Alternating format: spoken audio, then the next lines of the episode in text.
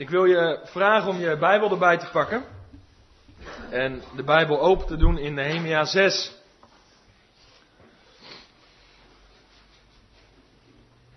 Er zijn ook vanmorgen weer een aantal mensen die voor het eerst zijn. Wij zijn hier bezig met een serie over het boek Nehemia. En we gaan door heel dat boek heen. Inmiddels zijn we aangekomen bij hoofdstuk 6. En alle voorgaande hoofdstukken kan je via internet terugluisteren.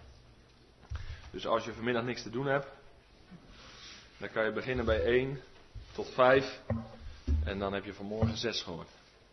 Dus Nehemia 6. Ik heb erboven gezet list en bedrog. Nehemia 6. List en bedrog. En je weet, de geschiedenis van Nehemia gaat in de allereerste plaats over het volk van God. Gods handelen met zijn volk. De herbouw van de muren van Jeruzalem. De herbouw van de poorten.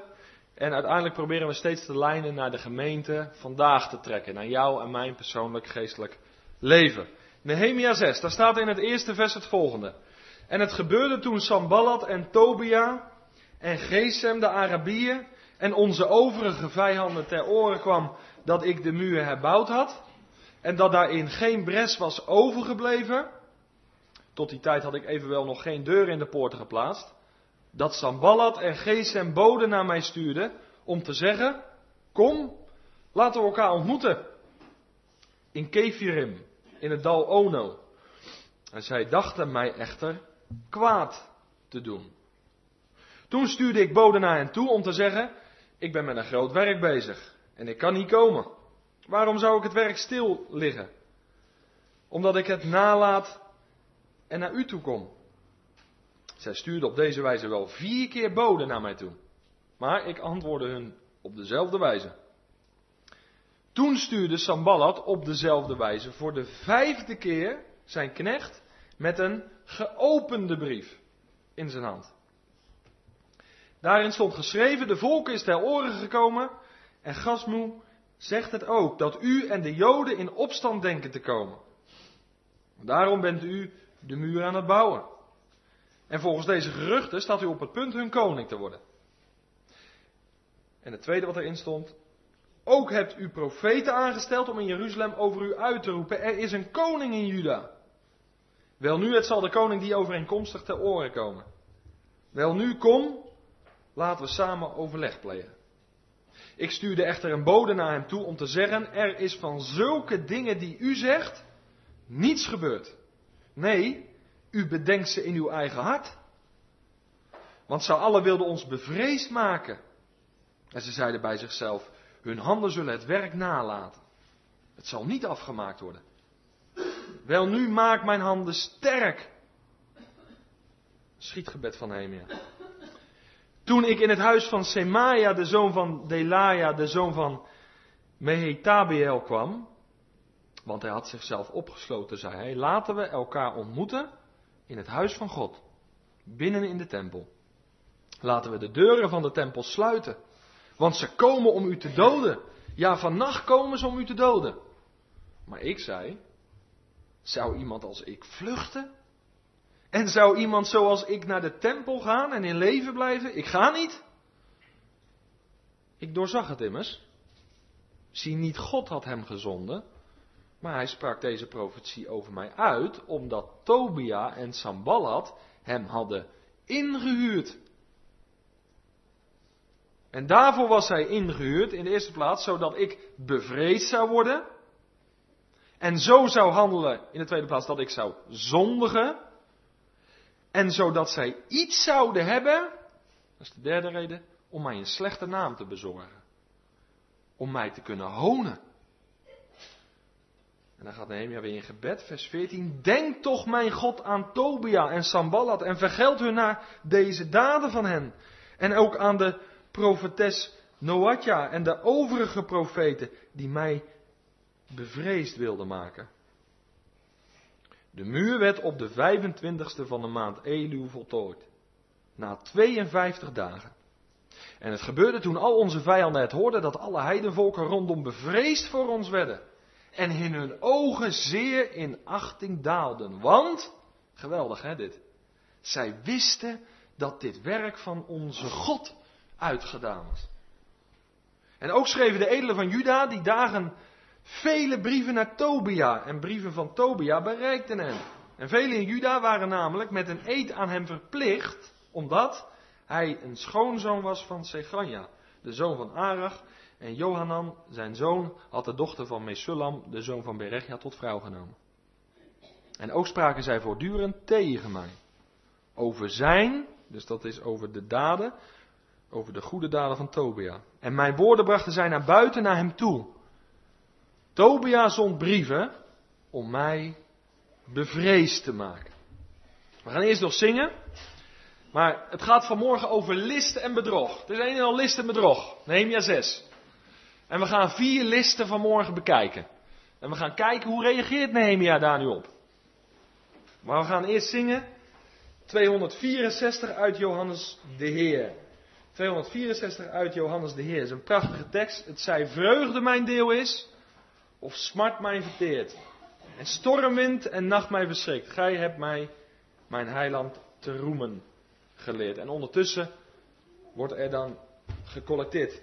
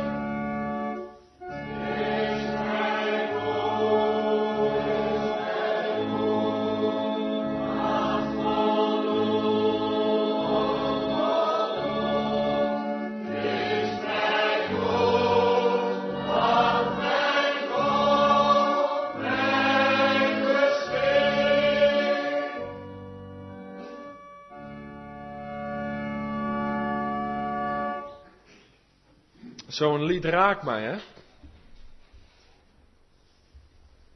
Kijk, dit is echt geestelijk leven. Dit is iets anders dan al die liederen waarin ik zo geweldig ben.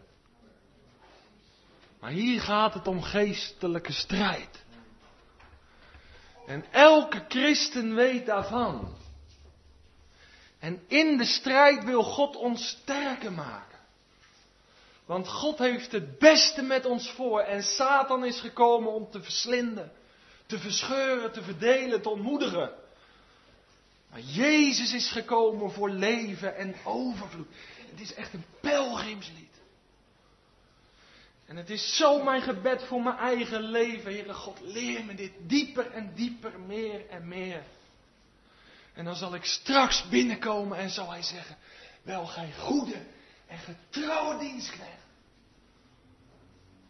En dwars door deze woestijn heeft hij beloofd, ik ben met je.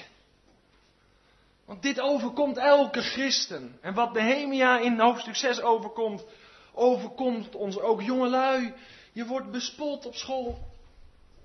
Je krijgt misschien wel leugens en listen naar je hoofd toe. Ik ben ook opzij gezet. Het is je deel. Maar slechts voor even. De wereld gaat voorbij. Ik leef niet voor wat zichtbaar is. Ik ben zo vol van gisteravond nog. Maar dat wat onzichtbaar is, blijft tot in eeuwigheid. En inherent aan dat leven met God is list en bedrog wat op je afkomt. Nehemia was een man van God. Hij heeft het ondervonden. Leugens over zich heen. We gaan er naar kijken. Nehemia 4. De strijd van buitenaf. Nehemia 5. De strijd van binnenuit. En nou? Nou gaan ze op de lijden zelf aan. Middels list en bedrog. Een hele andere vorm van tegenstand. List en bedrog. Wat zegt het woordenboek er eigenlijk over, list en bedrog? Nou, daar heb ik ook eens in gekeken. Je komt van alles tegen, maar het heeft hiermee te maken. Een door de wederpartij opzettelijk opgewekte dwaling. Een val. Het heeft ook alles te maken met misleiding.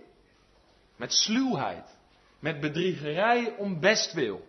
List en bedrog. En dat ontmoeten we, dat zien we, dat lezen we in Nehemia 6. En nu schrijft Paulus, en ik heb dat eerder gezegd en ik herhaal het. Paulus schrijft in 2 Korinthe 2 vers 11 dat de listen, de gedachten van Satan voor hem niet onbekend zijn.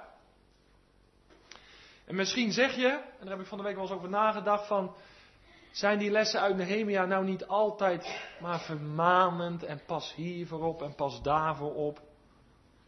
Ik, heb wel eens behoefte aan bemoediging. Of... En gisterochtend waar we op de bid stond. En toen zei een broeder van Psalm 23, zeg, uw stok en uw staf die vertroosten. Een stok en uw staf, de ene is om te corrigeren, die stok. Nou, vind je het fijn je met de stok krijgt? Dat is niet fijn. Maar Psalm 23 zegt, ze zijn me tot troost. Dat is bijzonder. Dus dan krijg je een stok, wordt gecorrigeerd en dat is tot troost. En de staf is om te leiden, om op het pad te blijven. Dus deze boodschappen zijn zeker wel tot bemoediging, maar ik wil jullie leren de listen van Satan te herkennen. Want we zitten met elkaar in een geestelijke strijd. Maar je moet wel fijngevoelig worden voor, hé, hey, hij komt van die kant. Hé, hey, hij komt van die kant. De listen van Satan, zegt Paulus in de Korinthebrief, zijn me niet onbekend. En Jezus zelf sprak in Johannes 8, vers 44 over Satan als de mensenmoorder van de beginnen, als de vader van de leugen. List en bedrog. En daar gebruikt Satan mensen voor, dat zie je in Nehemia 6. En dat kan ook hier in de gemeente zijn, of dat kan in je persoonlijk leven zijn, dat er mensen zijn die bezig zijn met list en bedrog. Om uiteindelijk jou, om uiteindelijk deze gemeente te gronden te richten. Dat het werk stopt. Want dat is het doel. Komen we straks ook nog op. List en bedrog. En nu moet je goed opletten, want wanneer komt dit openbaar? Wanneer komen die listen openbaar? Nou staat in vers 1. Want wat staat daar? Toen die mannen erachter kwamen dat ik de muur herbouwd had. Had alleen de poorten nog niet geplaatst, maar de muur die was, die was weer in orde. Met andere woorden, de voltooiing was daar. En, en, en er zijn weinig machtsmiddelen nog over om Nehemia te beletten. Nou ja, als je niks meer aan die muren kan doen om te verhinderen dat die gebouwd worden, dan moet je de man zelf pakken. Toch? Als de leidinggevende figuur daar wegvalt, dan ligt heel het volk lam. Als de voltooiing daar is. Ik heb vorige week zondag in Leiden gesproken over de tekst uit 1 Petrus 4. Het einde van alle dingen is nabij. Wees daarom bezonnen en nuchter in de gebeden. Hé, hey, God volvoert ook zijn plan. En ik kan je vertellen, dat plan nadert zijn voltooiing. Jeruzalem herbouwd, bijna voltooid. Tempeldienst. Het plan met deze wereld is ook bijna voltooid. Vandaar de adventsboodschap afgelopen woensdag. Jezus komt. En na de mate dat we dichter bij dat moment komen, zal de listen, zullen de listen en het bedrog toenemen. Zoals hier, bij de voltooiing van de muren. Maar de duivel gaat rond als een briesende leeuw, maar ook als een engel van het licht. En daarom moeten we alert zijn. Want na de mate de voltooiing komt, zal dit toenemen. Dus wees fijngevoelig voor de listen van Satan en laat je daar niet voor gebruiken. In je persoonlijk leven, in je huwelijk, in je gezin, maar ook in dit huisgezin, hebben we vorige week zondagmiddag gezegd. Wees alert. De eerste list staat in vers 1 tot en met 4. Wat is daar aan de hand? De tegenstanders, ze worden genoemd een aantal, maar in vers 1 worden ook de overige vijanden genoemd. Die hebben gehoord, hé, hey, die muur die is bijna herbouwd. Ze sturen boden. En dat klinkt heel leuk en vriendelijk, want ze zeggen uiteindelijk laten we elkaar ontmoeten. Nehemia wordt uitgenodigd voor een ontmoeting in het dal Ono. Maar hij onderkent de list van de vijand, want wat zegt hij in vers 2b? Zij dachten mij echter kwaad te doen. Dus hij heeft een plan door, hij prikt er doorheen. Er staat niet precies bij hoe hij dat nou wist. Dat ze dat van plan waren. Maar ik, ik voel me vrijmoedig om dit te zeggen. Daar waar wij met God leven, hij was een godvrezend man. Daar waar wij omgang hebben met God, daar waar wij ons laten leiden door de Heilige Geest, worden we fijngevoelig. En dat noemt een andere achterdocht. Ja, achterdochter zegt, het is toch gewoon een ontmoeting met die mannen. Ik kan er gewoon heen gaan. Hoef je er niet gelijk af te wijzen. Nee, hij is fijngevoelig, want dat staat hier. Ze dachten mij echt te kwaad te doen. Hoe hij het wist, staat niet letterlijk vermeld. Maar ik geloof dat hij fijngevoelig was. Op de leiding van God. En dat hij de innerlijke overtuiging had, niet doen. Niet naartoe gaan. Dus hij stuurt boden terug en hij zegt, ik kom niet. Waarom niet, Nehemia? Ik heb een groot werk te doen. Nou ja, nou denken sommigen natuurlijk, ja, hij moest stenen sjouwen. En natuurlijk, dat is ook gedaan. En dan zou je zeggen, nou dat geldt alleen voor Nehemia. Hij gaf leiding aan dat volk. Nee, maar wij hebben ook een groot werk te doen. Wij hebben een werk te doen. Wat is dat eigenlijk? Nou, dat is de verheerlijking van de naam van God. De opbouw van de gemeente. En de persoonlijke geestelijke groei. Daar moeten we aan werken. Daar moeten we ons voor inzetten. En dan moet je je niet laten afleiden. Door wie dan ook. Je moet een heldere focus hebben. Hé, hey, het gaat mij in mijn leven om de eer van God. Daar ging het in de herbouw ook om. Het gaat mij om de gelijkvormigheid aan het beeld van Jezus. En daarvoor moet alles wijken. Laat je niet afleiden. Heb een duidelijke focus. Wat is het doel van je leven? En Nehemia zegt, nee, ik heb een groot werk. Nou, we kunnen met elkaar zeggen, wij hebben hier een groot werk te doen. Niet alleen dat de zolder geveegd moet worden door een paar mannen. Ook dat. Maar we moeten hier bouwen aan de gemeente. We mogen hier bouwen. En daar moeten we elkaar voor, daar moeten we onszelf voor inzetten en elkaar bij helpen. Persoonlijk, in je huwelijk, in je gezin bouwen. Opdat het hier een heiligdom zal zijn. Waar God verheerlijk wordt. Dus hij gaat niet. Hij blijft gefocust op de herbouw van de tempel of van de muren. En uiteindelijk om de eer van God. En nu komt er iets wat heel belangrijk is in de geestelijke strijd. Want de tegenstander gaat niet akkoord. Dat is nog zo. Als je vandaag zegt, Satan, Ik werk niet mee aan de uitvoering van jouw plan. Ik wil niet zondigen. Dan komt hij morgenochtend weer. Want dat zie je hier gebeuren. Het wordt vier keer herhaald. En de voortdurende druppel, je kent het hè, die zal uiteindelijk de steen uithollen. Als het maar voortdurend is. Klein druppeltje op één steen, na jaren is de steen uitgehold. Dat is de tactiek van Satan. Ik wil je nu vragen om je Bijbel te pakken, want ik ga nu aantonen dat dit zijn tactiek is. En dat het niet door mij verzonnen is. Blader met mij mee naar Genesis 39. Herhaling van verzoeken om ons af te trekken van dat grote doel is tactiek van Satan. Genesis 39. Daar lezen we die bekende geschiedenis van Jozef aan, aan het hof van Potifar. Ik heb er hier iets eerder al over gedeeld, maar ik wil toch herhalen. Genesis 39. Wat staat daar in vers 7? Jozef was, wij zouden gewoon Jozef was een knappe vent. Aantrekkelijke man. Nou, dat zag ze ook wel. Ze was niet blind.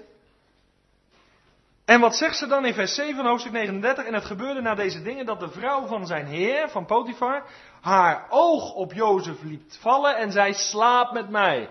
Ze wilde gewoon seks met hem. Zouden wij in 2012 zeggen.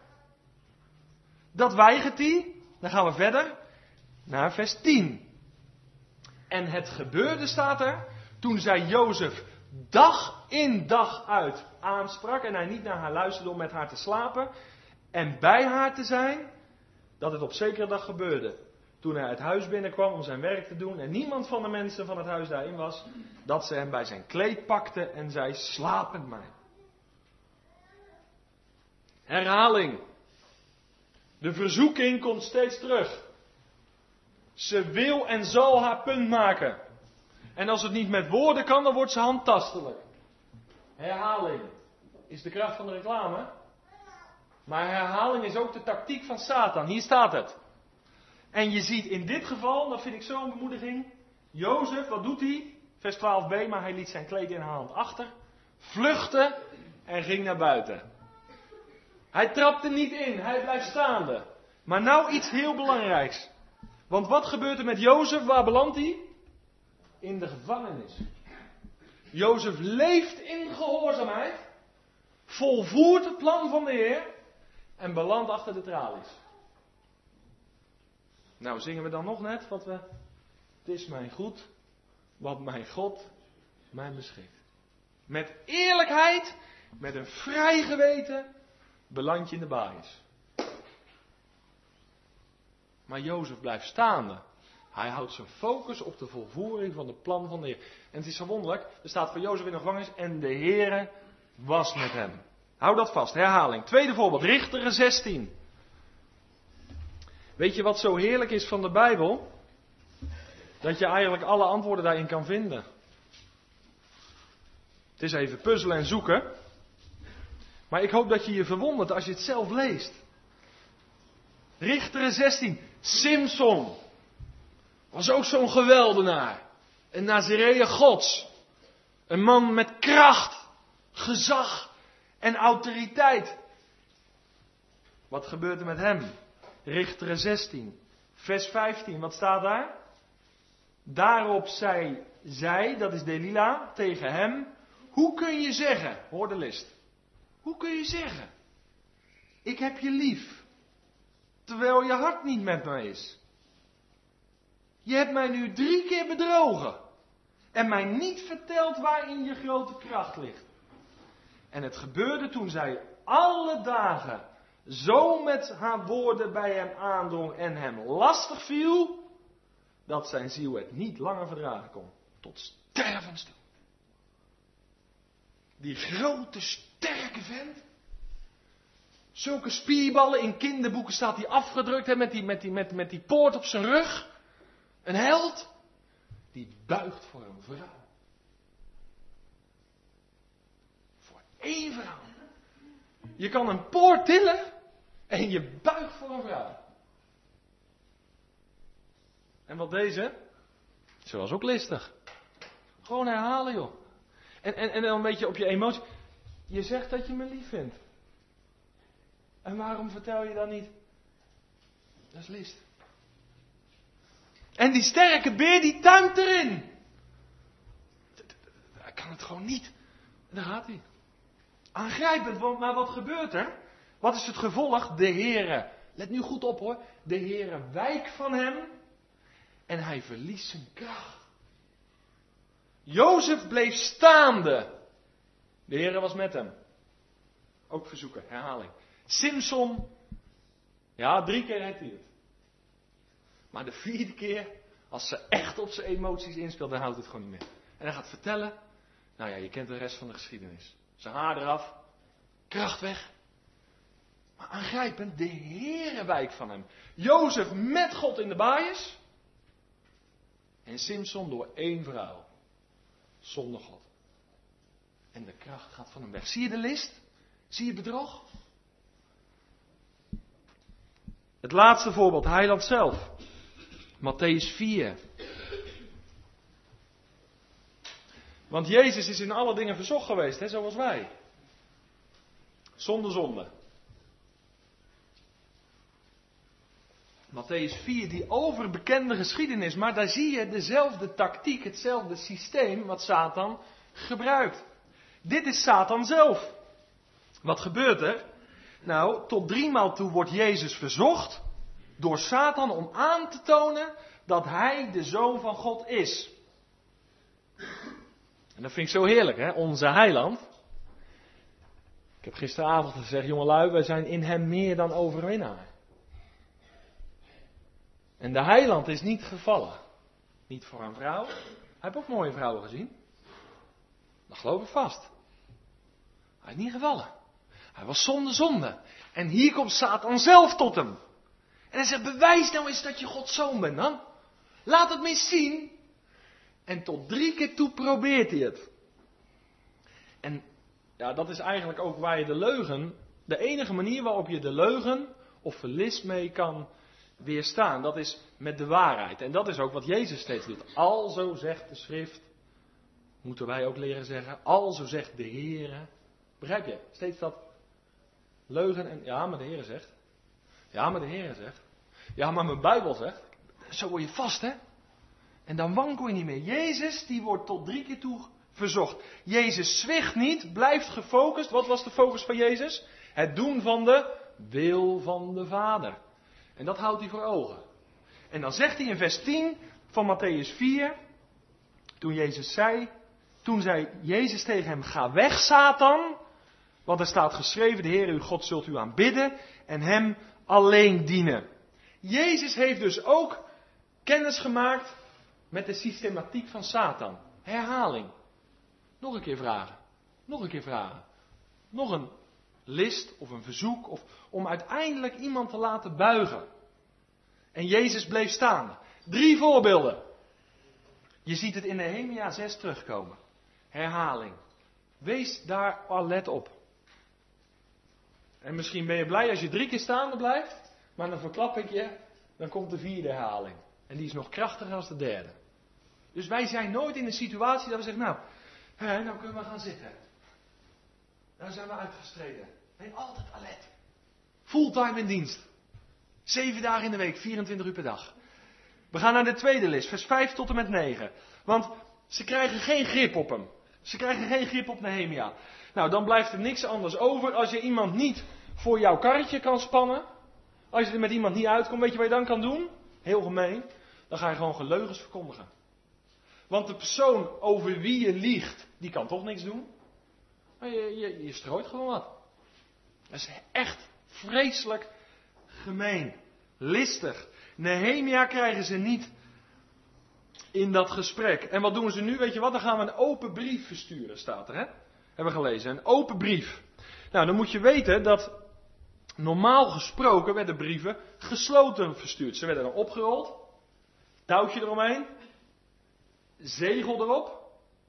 En daarmee werd de authenticiteit gewaarborgd. Het kenmerk van echtheid. Zo werd een brief verzonden. Hoeft niet iedereen te zien, maar wat doen ze bij Nehemia? Gewoon een open brief. Waarom? Is weer list. Dan kan iedereen het lezen. Ja, als je er nou waarheden in zet, dan is een open brief wel aan te bevelen. Dat is mooi als iedereen, iedereen de juiste proclamatie op. Maar hier, wat staat er in die brief? De roddels worden openlijk verspreid. Twee dingen. De eerste leugen in die open brief is dit. Ze zeggen, joh, Nehemia, weet je wat uiteindelijk jouw plan is? Jij herbouwt wel en je bent wel actief bezig, maar je wil zelf koning worden. En alles naar je toe trekken. Je bent gewoon een huigelaar man. Je, het klinkt wel vroom. En, en, en, je werken lijken wel echt, maar uiteindelijk wil je gewoon koning van Juda worden. En dat niet alleen. Het tweede wat je gedaan hebt, je hebt nog profeten aangesteld. Die in Jeruzalem gaan proclameren dat jij de koning wordt. Dat is erg. Hij had de eer van God op het oog. Hij zei, de God van de hemel zal het doen gelukken. En mensen zeggen, het gaat alleen om jou joh. Je wilt zelf koning worden. Aangrijpend. Heb je een vrij geweten? Ben je toegewijd aan God? En wordt jouw toewijding eigenlijk bestempeld als leugen? Voel je, de list? Het is aangrijpend. En dat is wat er verkondigd wordt. Twee leugens bevatten dus die open brief. En hoe antwoordt hij? Vers 8b.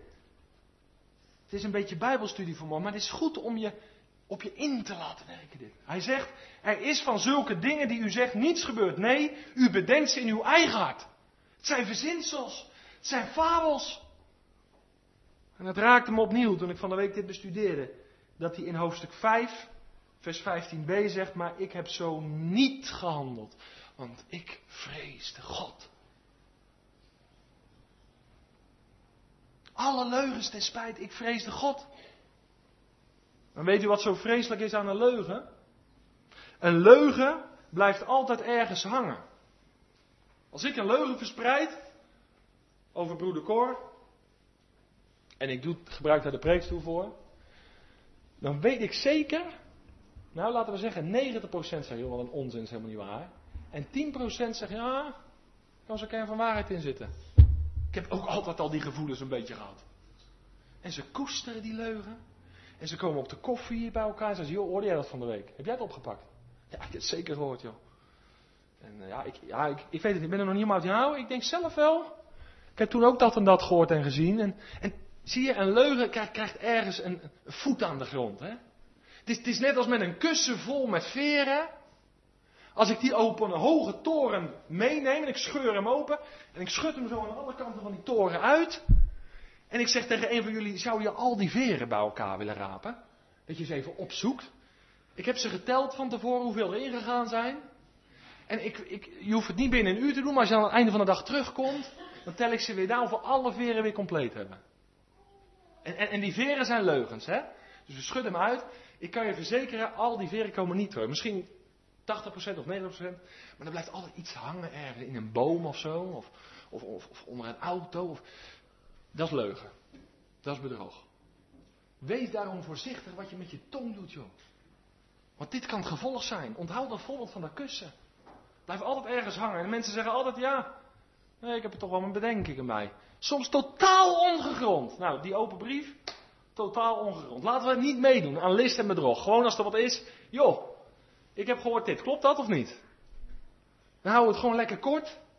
Want normaal gaat het via zeven schakels ongeveer. Maar gewoon, hè, dat houdt de gemeente zuiver. Dit is weer een list, weer een les. We gaan naar de derde. Want, want nu is het aangrijpend. Semaia is een volksgenoot van Nehemia.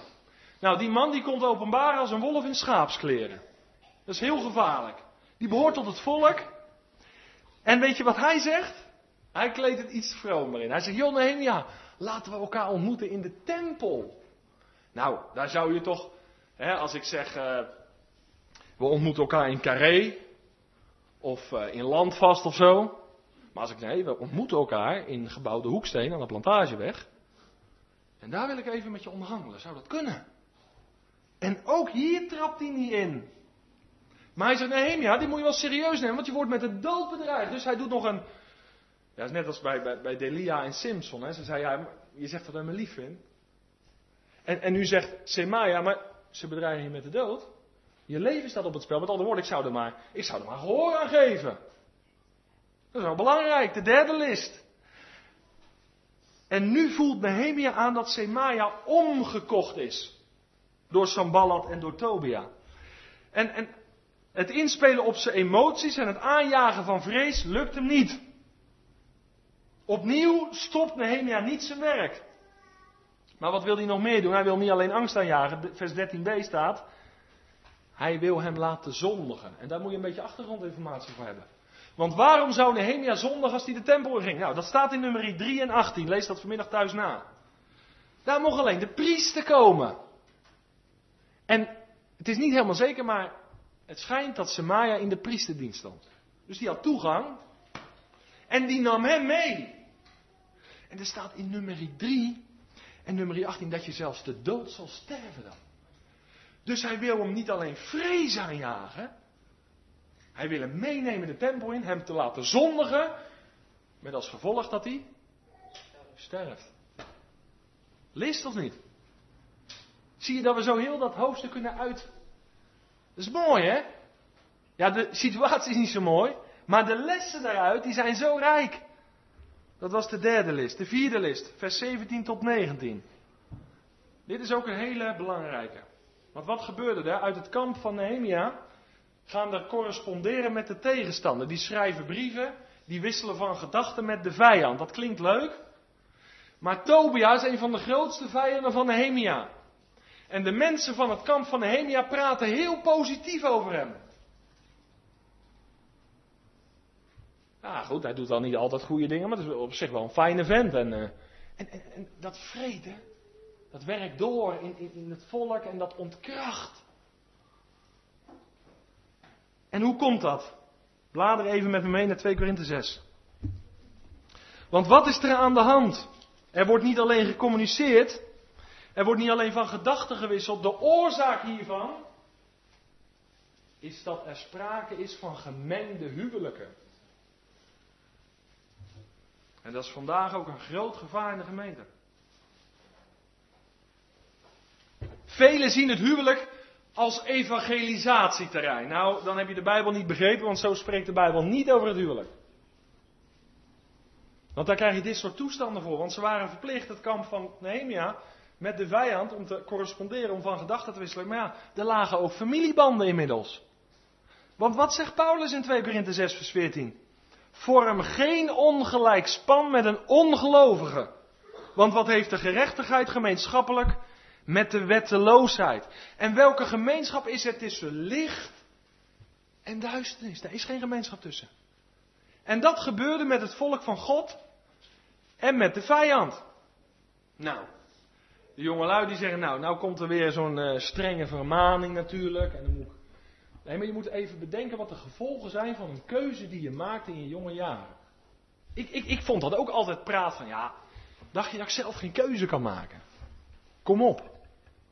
Maar je overziet het nog niet als je jong bent. Eerlijk, ik ben ook nog jong, 32. Ik overzie het nu iets meer. Het is zo heerlijk. Ik kan het gewoon hier in van alle vrijheid zeggen. Hoe ik met Annette mag leven in het huwelijk. Dat je samen één bent. Maar dat je samen ook hetzelfde verlangen hebt om God te dienen. Met z'n tweetjes? Nee, met onze kinderen. En dat je dus ook koers kan uitzetten. Wat is ons doel? Wat is de focus? Waar kunnen we naartoe werken met elkaar? En als één afhaakt, elkaar bemoedigen. Maar toen zij nog geen verkering met mij had, bad ze om een man die God zou vrezen. En ik had het verlangen, Heere God, ik hoef niet te trouwen als ik geen vrouw krijg die u niet vreest. Ik wist dat het vroeg of laat verkeerd zou gaan. Tuurlijk, de eerste tijd ben je verliefd en geweldig allemaal. je buik die trilt een beetje en het is allemaal maar later, bij beslissende keuzes in je leven, is het zo belangrijk dat je dat gefundeerd doet. Dat er geen vermenging is. Dat je niet hoeft te gaan strijden.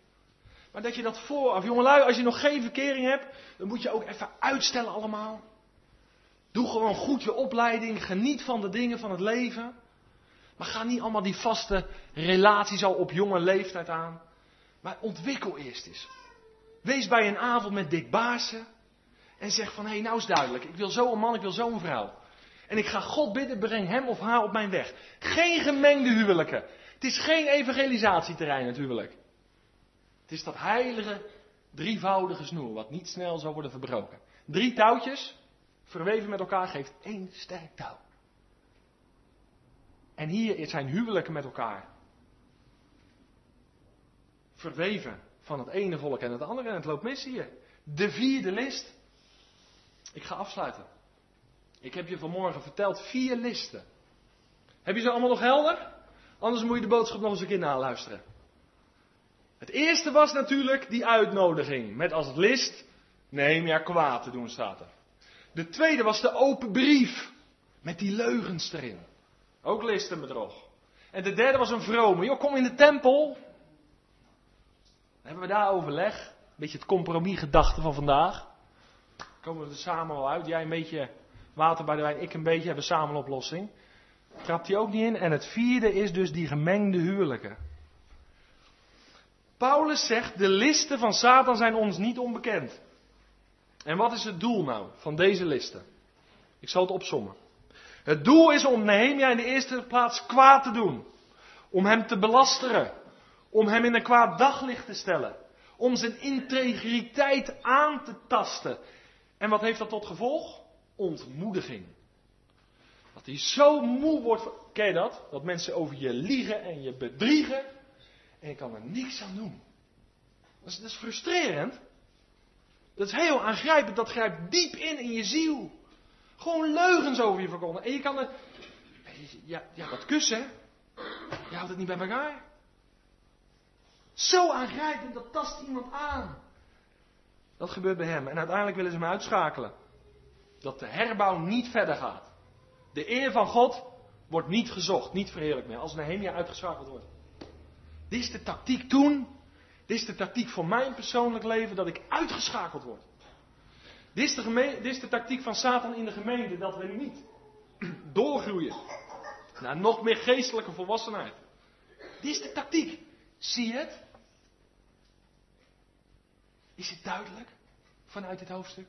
Dat dit de methode is. Nou, en Nehemia reageert daarop. Ik hoop dat je nog vijf minuten hebt. Want dit is belangrijk. Hoe reageert hij? Nou, we lezen in Nehemia 2 vers 20 dat de God van de hemel, die zal het ons doen gelukken. Zo begon hij toch? Hij vertrouwt op God die de eerste en de laatste is, het begin en het einde. En wat lezen we in hoofdstuk 6? Dat is wel fantastisch hè. Daar lezen we dat het werk gereed is gekomen. Op de 25ste van de maand. Na 52 dagen. God heeft niet iets beloofd. Hij heeft niet alleen zijn geloof uitgesproken. We zien in hoofdstuk 6 dat het werk voor verricht is. God volvoert zijn plan. Laat dat de bemoediging zijn. Hij gaat door. Wat hij in je leven begonnen is, volvoert hij. Hij vraagt alleen toewijding. Kom ik zo nog op. De tweede plaats. Nehemia openbaart zich opnieuw als een man van gebed. Ik heb het gezegd, in vers 9b staat het. En in vers 14 gaat Nehemia zelf bidden voor zijn vijanden. Mooi hè? Hij vertrouwt God, dat is het eerste, zo reageert hij. En we zien het volvoerd. Het plan is gelukt, de muren zijn herbouwd. In de tweede plaats, hij blijft in gebed. Als list en bedrog je deel is. Zoek de Heer. Petrus schrijft van de Heer Jezus dat hij het overgaf aan hem die rechtvaardig oordeelt. Dit is de diepste geestelijke waarheid. Als list en bedrog over je komen en je kan er niks tegen inbrengen. Althans, je hebt wel waarheid, maar het wordt niet overgenomen. Het gaat maar door. Het woekert voort als de kanker. En dan sta je een soort met je rug tegen de muur. En je zou er moedeloos van worden, toch? Van leugen word je toch moe? En hij gaf het over aan hem. Die rechtvaardig orde. Wat een rust, hè? Vader, u kent me uit. Moet je wel vrij geweten hebben. Moet je zelf wel rein van God leven. Maar dan kan je zeggen, ik geef het over aan hem die rechtvaardig oordeelt. De derde is dat Nehemia de leugen beantwoordt met de waarheid. We moeten thuis zijn in de waarheid. En wat ik net zei, we moeten een vrij geweten naar God toe hebben. Als er niks in mijn geweten mij aanklaagt, wat betreft die leugen, en als de waarheid niet tegen mij getuigt, dan mag ik een vrij geweten hebben. En dan hoef ik de aanklacht niet te aanvaarden, mag ik hem naast me neerleggen, dan breng ik het bij God. Dan ga ik als Nehemia voor mijn vijanden bidden en dan geef ik het over aan hem die rechtvaardig oordeelt. Dat is een hele diepe weg. En voor de een is dat plotsklaps en voor de ander is dat een proces. Omdat het pastoraal nogal wat vraagt. En het laatste, dat vind ik zo mooi. Blader even tenslotte naar Johannes 10. Nehemia is niet alleen een man die vertrouwt op God. Hij is de eerste en de laatste. Hij is niet alleen een man van gebed, zelfs voor zijn vijanden. Hij beantwoordt de leugen niet alleen met de waarheid. Maar weet je wat hij ook is? En, en uiteindelijk, of uiteindelijk, het gaat altijd om hem. Nehemia is een type van Christus. Hij is een type van de Heer Jezus. Nee, of Johannes 10, vers 12, wat staat daar? Zo mooi, hè? Maar de huurling. Moet je even denken. Moet je even denken aan de tekst uit Nehemia 6, dat hij zegt: Ik loop niet weg. Er staat hier maar de huurling. Vlucht, omdat hij een huurling is. En zich niet om de schapen bekommert. En Jezus zegt: Ik ben de goede herder. En ik ken de mijne. Ik word door de mijne gekend zoals de Vader mij kent en ik de Vader ken. En ik geef mijn leven voor mijn schapen. Kijk, het kenmerk van een huurling, die loopt weg als het nood is. En Jezus liep die weg. Als ik de mijne heb lief gehad, zo heb ik ze lief gehad tot het einde. Ik heb de pers alleen getreden en er was niemand van de volken bij.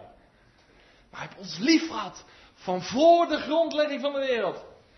Hij heeft de pers alleen getreden. En hij heeft ons lief gehad tot het einde. In Gethsemane hield hij niet op. Zei hij niet, ik red het niet meer. Had het wel zwaar. Maar volhouden. Staande gebleven. En zo waakt hij niet als een huurling over ons. Maar als de eigenaar, de rechthebbende, als de herder. Stok. Staf. Mooi hè? En Nehemia toont zich hier als Jezus. Niet weglopen. In gebed gaan tot God. Niet je gedragen als een huurling die vlucht voor de wolven. Maar hij staat hier als de man van God. Met een vrij geweten. Johannes 10. Schitterend. Nehemia. Ten slotte een type van Christus. Ik hoop dat je vanmorgen. Het was veel, dat weet ik. En ik ben me vaak bewust dat ik veel doorgeef. Maar je moet ook wat leren van de manieren zoals Satan werkt, zodat we het gaan ontdekken met elkaar. En zeggen, hé, hey, de voordeur is het eindpunt voor jou. Je komt er niet in. We hebben je door. We kennen je list. Persoonlijk, als gemeente, binnen je huwelijk, binnen je gezin, wees fijn gevoelig. En ik geef de tekst ter afsluiting uit Spreuken 14 mee, vers 6 en 27. In de vrezen des Heren is een sterk vertrouwen. En voor zijn kinderen zal hij een toevlucht zijn. De vrezen des Heer is een bron van leven om de strikken van de dood te ontwijken. Amen. We gaan zingen. Johan de Heer 411. Johan de Heer 411. Beveel gerust uw wegen, al wat u het harte deert. Laten we alleen het eerste couplet zingen. 411 en het vierde, 1 en 4.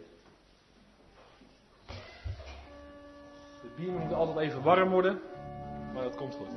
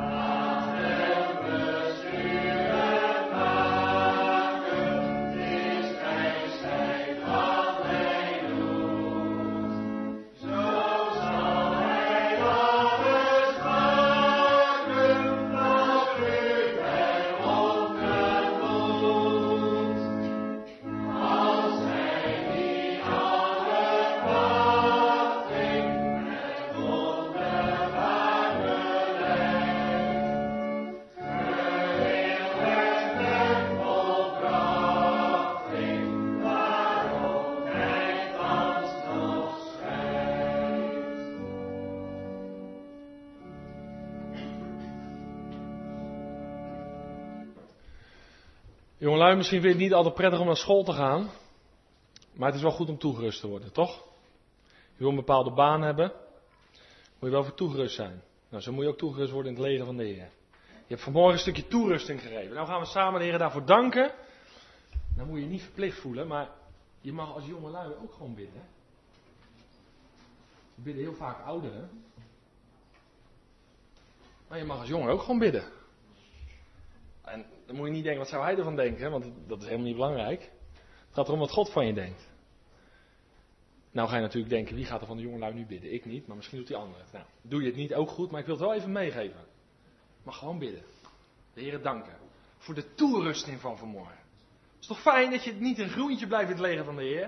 Maar zeggen, nee, ik ga je ferme soldaat maken. Dat zal ik afsluiten. Wees vrijmoedig.